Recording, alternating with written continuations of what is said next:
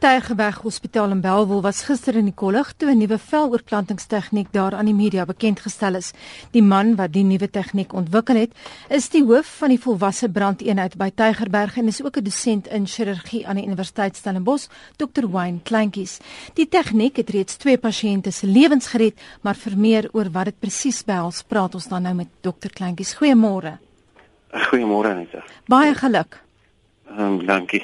Dokter Kleintjies en uh, ek moet sê dit moet wees vir die leek. Verduidelik vir ons baie mooi wat behels die tegniek. Ehm um, hierdie tegniek behels dat ons 'n stukkie vel neem van die pasiënt en dan uh, kweek ons daai vel of groei dit uit in la. En dit vat so 2 weke en dan kan ons dit uh, terugplant, oorplant op die pasiënt. So dit is soos 'n veloorplanting, jy weet, ons neem 'n stukkie vel, maar in plaas van om dit dadelik terug te sit op 'n ander area groei ons dit eers uit en bedek dan 'n groter area van die pasiënt. Maar wat maak die tegniek anders as wat reeds gebruik word? Die tegniese aspekte van hierdie tegniek is anders as die ehm um, gewone tegnieke wat beskikbaar was. Met die gewone tegnieke ehm um, is is die kostes verbonde baie duur as gevolg van die laboratorium fasiliteite wat nodig is. Ehm um, hulle gebruik duur materiale. Ehm um, en uh ja, so die kostes is buitensporig hoog ehm um, vir die tegnieke. Ehm um, so met hierdie tegniek gebruik ons net die pasiënt se eie weefsel om die koste te beperk en ook die veiligheid te verseker.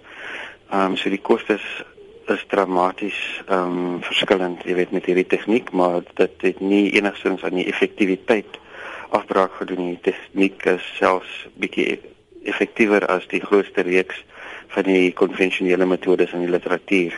Met gewone veloorplantings word die eie vel nie gebruik nie? Ja ja, so met 'n gewone veloorplanting gebruik mens die pasiënt se eie vel. Jy neem 'n stukkie vel by een area en dan plant jy dit oor by 'n ander area. So met hierdie ene of die ehm um, kultuurde vel tegnieke, mens vat daai stukkie vel en groei dit net uit dat jy 'n groter area bedek. Nou met hierdie kultuurvel tegniek, hoe lank neem die hele prosedure vir 'n totale heeltemal 'n algehele veloorplanting? Ehm um, dit neem as as mens soos met ons geval, jy weet, ons het groot ehm um, brandwondpasiënte, groot areas wat bedek moet word. So ons neem so 2 weke om genoeg vel te hê om 'n uh, groot deel van die liggaam te bedek. Nou ons het in ons inleiding verwys dokter Kleintjies na die feit dat jy reeds twee pasiënte se lewens gered het. Vertel ons meer daarvan. Ja die eerste pasiënt ehm um, het eintlik nou hierdie tegniek genootsaak. Dit was uh, verlede jaar teen Oktober. Was hy 'n 16-jarige seun omtrent 3 maande in ons intensiewe sorgeenheid. Ons kon geen vordering maak met hom nie. Vorige veldplanting areas het ons verloor en sy donor areas ons se vel geneem het, het rou geword.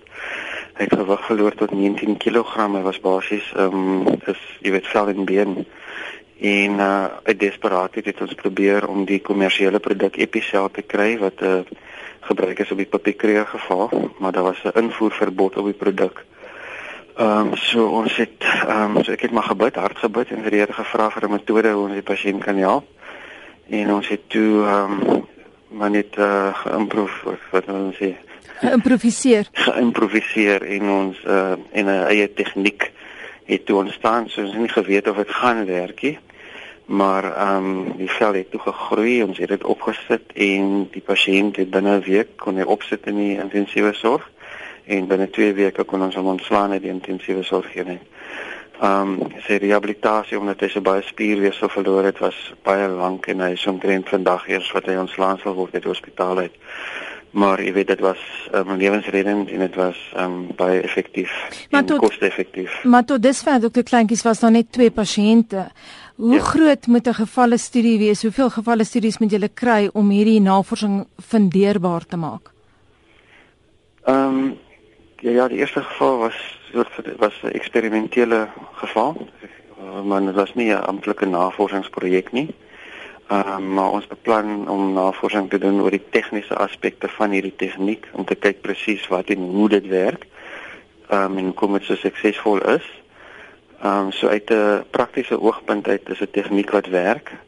Ehm um, en uit 'n akademiese oogpunt uit moet ons nog al die fynere detail uitwerk van presies hoekom werk dit so goed. Nou jou kollega Dr Beth Engelbrecht word ook in die media vrystelling oor die veloorplanting aangehaal dat die projek nog in 'n ontwikkelingsfase is en nog nie deel ja. is van normale praktyk in die Weskaap nie. Baie belangrik om ja. dit vir luisteraars te sê. Wanneer dokter sal die tegniek algemeen toegepas kan word? Hoe werk die mediese protokol nou? Ehm um, ek wag uiteindelik nou net dat ons met my mm, regsadviseurs vir my uh inligting gee oor die uh, patentering van die tegniek want ons wil dit beskerm dat dit teen 'n bekostigbare prys beskikbaar bly. Ehm um, deur die patentering ehm um, in plaas daarvan om dit net vir almal te gee en dat sommige maatskappye miskien die prys opjaag en dit weer onbereikbaar of onbekostigbaar word van die meeste pasiënte wat jy weet ly aan brandwonde is maar die armer mense. So sodra ek dink dat dit gesê dit behoort nie langer as 'n week of twee te vat nie, um, dan kan ons um, die tegniek weier en die detail weier um, publiseer en seker maak dat die ander ouens ook van hulle pasiënte red met die tegniek. Dokter, jy praat nou van die meeste brandslagoffers wat eintlik arm Suid-Afrikaners is, maar het jy enige idee oor hoeveel brandslagoffers daar jaarliks in Suid-Afrika is? Is daar statistiek? Die statistieke in Suid-Afrika is baie swak. Ehm um, so daar is sporadiese areas wat goeie statistiek het. Ehm um, en die meeste goeie statistiek op die oomblik sal ons kry van ons ehm um, nooddienste. En die inligting verstaan ek gaan ook nou deel word van 'n doktorale proefskrif. Is enigiets al gepubliseer? Ehm um, die artikel het uh, etiese goedkeuring in Maart gekry vanaf die Universiteit se etiese komitee. Ehm maar ook gevolg van die uh, regs uh ondersoek na die patentering het hulle my gevra om dit net eers terug te nie in te stuur tot tyd en wyl hulle nou presies uitgevind het wat is die wetlike aspekte daarvan is. So dit behoort seker ook binne die volgende week of twee ingestuur te word um na die Suid-Afrikaanse Mediese Joernaal. Dokter Kleintjies, het jy enige reaksie gehad van jou internasionale kollegas? ek dink nog nie. Miskien lê hulle nog aan skok. Baie dankie die man wat so gesels is die man wat 'n nuwe tegniek ontwikkel het. Hy's hoof van die volwasse brandeenheid by Tygerberg en is ook 'n dosent in chirurgie aan die Universiteit Stellenbosch, Dr. Wayne Kleintjies.